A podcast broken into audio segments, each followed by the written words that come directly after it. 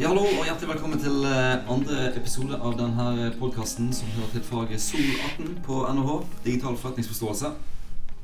Så i denne podkasten så eh, prater jeg litt med ulike fagfolk innenfor ulike uh, fagretninger her på NHH. Og så snakker vi litt om ting som er relevant for eh, dette faget her, da, digital forretningsforståelse. Og i dag så er jeg veldig glad for at jeg har med meg Lasse B. Lien, som er min eh, gamle studiekompis fra når jeg gikk her, starta her i 1990. Vi var på samme kulde og Stemmer eh, husker hverandre fra den gang. Uh, skal vi si at vi er litt glad for at ikke det finnes Instagram og YouTube-videoer fra den tiden. Definitivt. Det, det hørtes egentlig mer spennende ut enn det var. Eller kanskje ikke.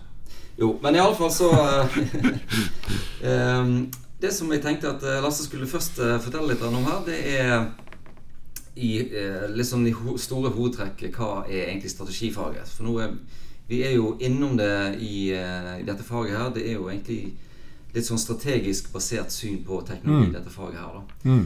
Um, og du er jo eh, Du er jo strategi, si strategiprofessoren med sto P eh, her på, på NHH. Det var dine ord. Så, ja. så hvem er hvem er deg til å fortelle litt om det? Vær så god. Ja, hvis vi eh, skal begynne å snakke om eh, eh, strategifaget, så, så bygger det egentlig på et spørsmål som nærmest kan fremstå som helt eh, banalt. Og det er hvorfor i alle dager er det lønnsomhetsforskjeller mellom bedrifter? Mm. Hvorfor er det ikke sånn at de bedriftene som gjør det dårlig, raskt kopierer de som gjør det bra, og dermed fjerner disse lønnsomhetsforskjellene? Så hvor, hva er det som bygger opp lønnsomhetsforskjeller mellom bedrifter? Hva er det som bryter de ned?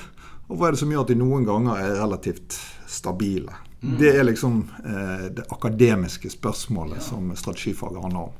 Og så har du da en praktisk side, og det er det at ja, hvis du nå klarer å identifisere disse mekanismene som bygger opp lønnsomhetsforskjeller og bryter de ned og stabiliserer de, ja, så har du kanskje noe som eh, kan være nyttig for de som skal ta praktiske strategiske beslutninger eller lage strategier for bedrifter. Så tanken er hvis vi forstår det første spørsmålet, så har vi liksom noe å bidra med på det andre, mer praktiske spørsmålet. Det er interessant, for jeg har jo en veldig sånn praktisk tilnærming til strategi i, i den boken min. Så det er, det er spennende med det andre perspektivet òg, syns jeg. Ja.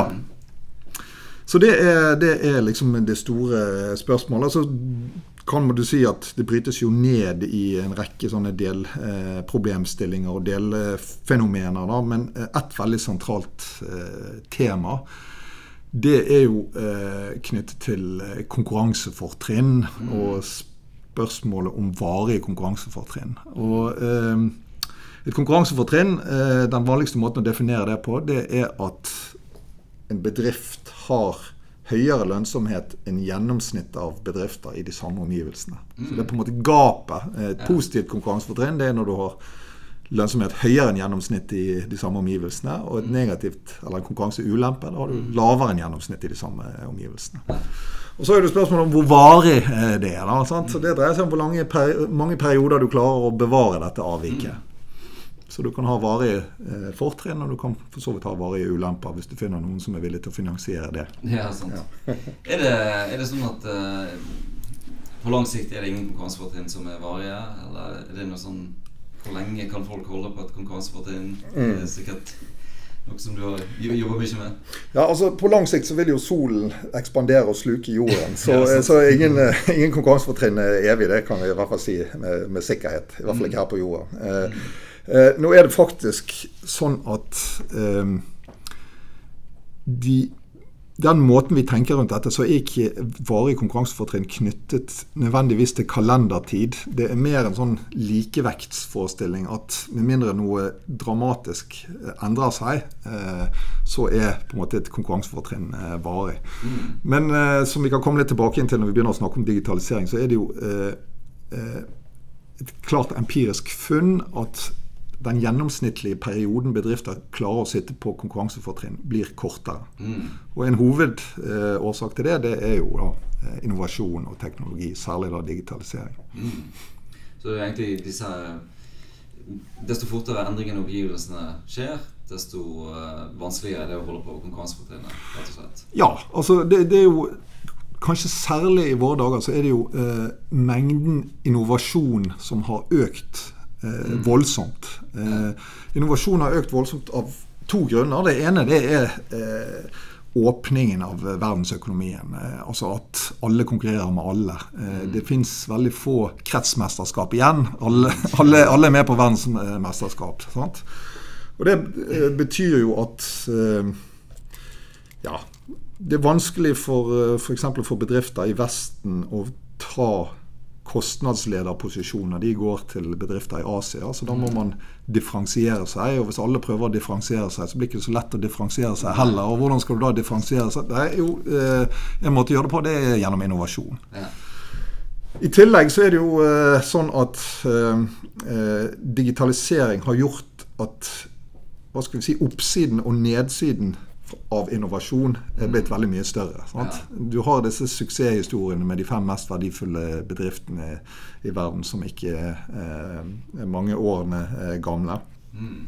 Eh, du har eh, historien om eh, de store gigantene som har eh, gått konk eller havnet i alvorlige problemer. Så på en måte både pisken og gulroten eh, er, veldig stor. Mm. Så når bedrifter da tvinges Når alle bedriftene, særlig i den vestlige verden, men også i Asia, tvinges til å satse mer på innovasjon, ja, så blir det mer innovasjon, og da går ting fortere. Og da, Det øker sannsynligheten for at noen finner på et eller annet som gjør at ditt gode, gamle fortrinn, det havner eh, på historiens skraphaug, hadde jeg sagt. det, det, jeg leste det her i, blant annet i denne, den bok som heter 'The Second Machine Age' av Brynjulfsson og han andre som mm. skriver med. Og de sier jo at det er, innen eh, business så er det mer sånn winner takes all-situasjon eh, mer enn tidligere. Og det, det stemmer jo med, med, det som du ser nå. Ja, altså Det som er det paradoksale med digitalisering, er det at det har skapt to ting samtidig. Eh, det ene er at det har destabilisert bedrifters konkurransefortrinn på veldig mange områder. Mm. Og gjort at konkurransefortrinn ødelegges og skiftes. Eh, De gamle kildene til konkurransefortrinn som kanskje kunne være fysiske distribusjonskanaler eller eh, mm. fysiske anlegg eller den gamle teknologien, den blir på en måte erstattet av ny teknologi og nye forretningsmodeller som på en måte ødelegger eh, alt. og det eksperimenteres hele tiden med nye forretningsmodeller og nye teknologier og, og innoveres. Og dermed så blir ting mindre eh, stabilt. Mm. Fortrinnet blir mer og mer kortvarig. Men så har du også fått noen nye kilder til konkurransefortrinn som er ekstremt sterke og ekstremt eh, stabile. Mm. Og det er særlig da to ting knyttet til eh, digitalisering. Det ene det er nettverkseffekter. Ja. Som er sånn vinneren tar alt. Og når først noen er blitt stor, så er det utrolig vanskelig å eh, vippe vinnerne. Eh, av pinnen. Mm. Så dermed så får du da sånne Google og eh, Netflix og eh, den type selskaper som, eh, som sitter eh, veldig robust eh, i det. Eh, så nettverkseffekt er den ene. Den andre er jo ting som har med data å gjøre. Big data. Og at du kan innovere bedre og mer presist mm. hvis du har mange kunder fra før. For da akkumulerer du data og innsikt som gjør at eh, du kan på en måte operere og innovere mer eh, effektivt. Mm. Og det, som gjør at du får flere kunder og bedre data og kan ja. gjøre det enda eh, bedre. Sånn. Så disse to eh, prosessene her de har stikk motsatt effekt. De gjør at konkurransefortrinn blir veldig stabile og veldig robuste, og kan også brukes da til å hva skal vi si, flytte markedsmakt fra ett marked til et nytt marked eh, ut fra eh, data og kundebaser eh, mm. osv. og Så, så dermed så har digitalisering eh, den effekten at det destabiliserer konkurransefortrinn i veldig mange eh, markeder. Men så er det også noen markeder hvor det skaper mer stabile fortrinn enn vi kanskje noen gang tidligere har sett. Så det er på en måte begge deler. Det er utrolig interessant at det at det har blitt sånn, altså. Ja, og, og, og, du ser jo også at alle eh, alle jakter jo nå da på disse hva skal vi si, gulleggene, som ja. er disse nettverks- og databaserte eh, fortrinnene. Og ofte mm. så ser man jo da at når det ikke er etablert en klar vinner, så kan konkurransen bli veldig hard om Ja. å ta disse eh, posisjonene. Mm. Det er en sånn jeg, bruker ofte et lite case som eh, er konkurransen i Kina mellom eh, Uber og vet du, Didi. Didi. Ja. Mm. Sånn, Hvor begge selskapene pøser inn penger og taper enorme summer eh, fordi de eh, håper å vinne eh, kampen om disse nettverkseffektene i de store kinesiske byene. Og det er også, eh, Jeg vet ikke om du har sett i, i i media det har vært en del snakk om disse sykkelbergene Ja, ja. I, i, i Kina. Eh, Jeg var, jeg var i Kina i sommer, skjønner du. Okay. Og da så jeg jo de der eh, store syklene som sto rundt Ja. alle veier. Så det var liksom de her eh, de var fem, Det var mange aktører på det markedet som, som håpte å liksom ta, å ta liksom den posisjonen. Ja, og det er fordi at det å ha sykler eh, og brukere, eh, det er veldig sterke nettverkseffekter kan du si, by for by. Ja. Når ikke det er klart hvem som vinner, ja, så pøser alle inn investeringer for å ha flere sykler eh, enn andre, for da får du flere brukere. Har du bedre brukere, så kan du betale for flere sykler. Men eh, hva skal vi si Ja, taperne blir eh, Ja, taperne, blir, taperne lider, rett og slett. Ja, det, det, det er klart. Det, det tapes jo masse penger eh, fordi at det overinvesteres jo da i, i tilbud. her. Ja, klart det. Og jeg, så, jeg lå merke til at det var jeg vil si 80% av alle syklene jeg så i storbyene, de tilhørte en sykkeldelingstjeneste. Ja. Så det, det, det er blitt veldig adoptert at sykkeldelingstjeneste er en, en ting. Eh, de de kjøpte Jeg kjørte jo en del med Didi der borte òg. Mm. Uh, fordi at da kunne du legge inn eh, eh, internasjonalt kredittkort for å ta- betale for turen. Mm. Og de kjøpte vel Uber, eh, Uber Kina etter hvert. Ja, de gjorde Så- sånn. sånn De gjorde sånn. de- Eh, Uber har vel en andel i det felles selskapet, så vidt jeg vet. Men en minoritetsandel, tror jeg det. Spennende. Du, jeg lurer litt på eh, Nå eh, snakker vi jo om veldig, om veldig store ting og veldig store bedrifter og sånne ting. Så eh, nå vil jo disse studentene kanskje ikke begynne å jobbe i, i, i Google og Uber og sånne ting. Vil de Så- ikke? Jo, de vil jo sikkert, men det er ikke, det er ikke, det er ikke alle som får. Så eh, hvis, det, hvis vi skulle prøve å si noe om det her eh, i forhold til Nå har du jo en semesteroppgave som de kanskje mest fokuserer på først.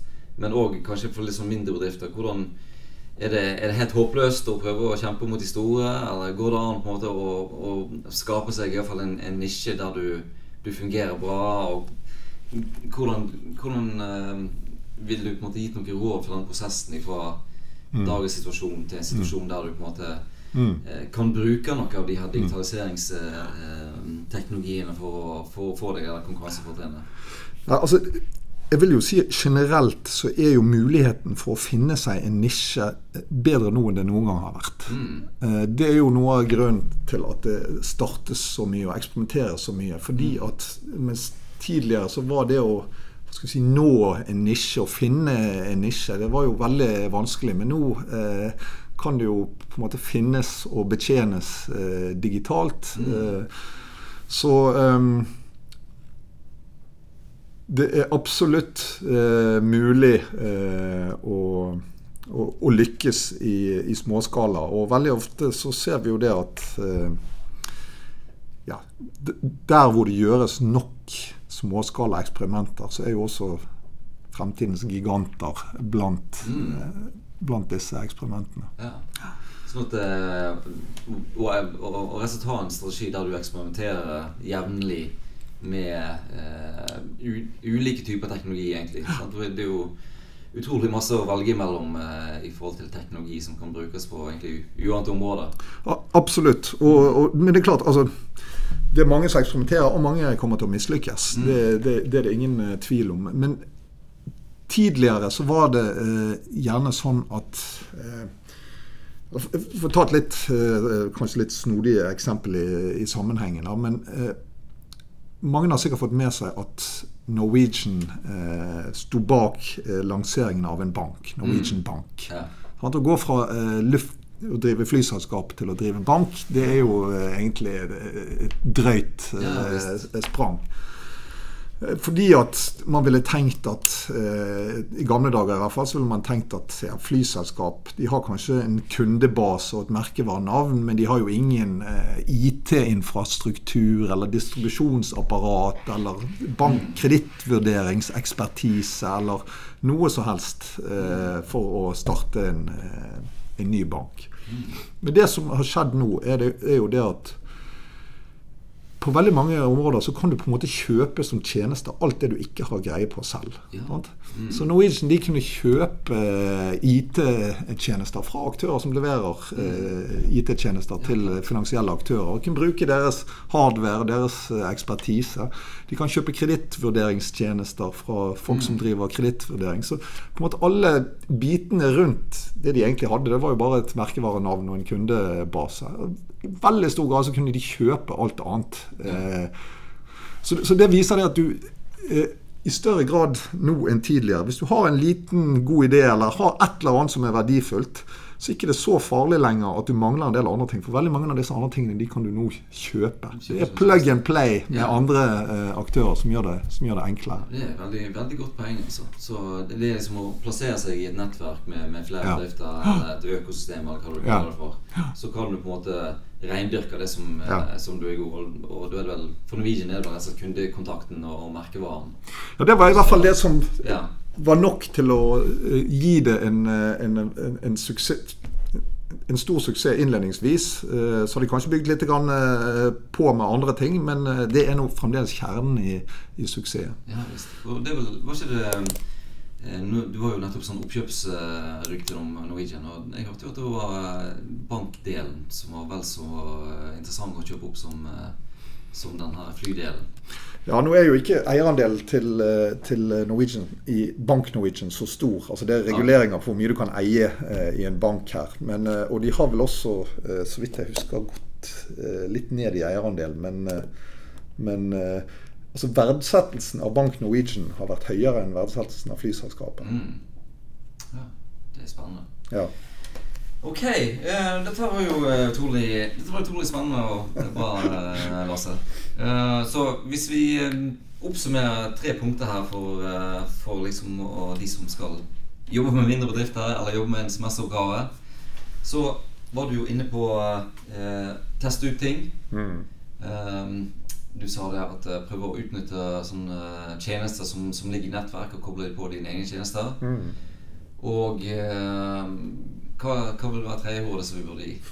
Er det, er det samle data og bygge nettverk, kanskje, som, eh, som kan være bra? Ja, hvis du kan. Eh, Men jeg vil jo si det at nå har jeg snakket eh, litt om at ja, det er lett å koble seg på nettverk, og du kan kjøpe tilleggstjenester. Problemet er jo det at det er jo like lett for alle de andre. Ja, så, du, så du må på en måte ha noe i kjernen som ikke alle andre har, Ja. hvis du skal lykkes. Ja. Så, I det minste en idé. riktig. Så det siste er liksom å, å, å reindyrke det som du har, faktisk har, Mm. som, som skiller deg fra andre. Ja, flott. Det syns jeg var en, eh, en god avslutningskommentar. Tusen hjertelig takk for du eh, tok tid til å være med i podkasten. Studentene vil jo få se deg igjen til, eh, til neste år, de som går i hvert fall på tredje året. For da er du inne Mm. og, og gjesteforeleser i dette faget som Det heter vel bare strategi? Eller heter det strategisk ledelse eller noe annet? Strategi. Godt spørsmål. Dette er i hvert fall Sol 4. Sol 4 i alle fall. Ok, takk skal du ha.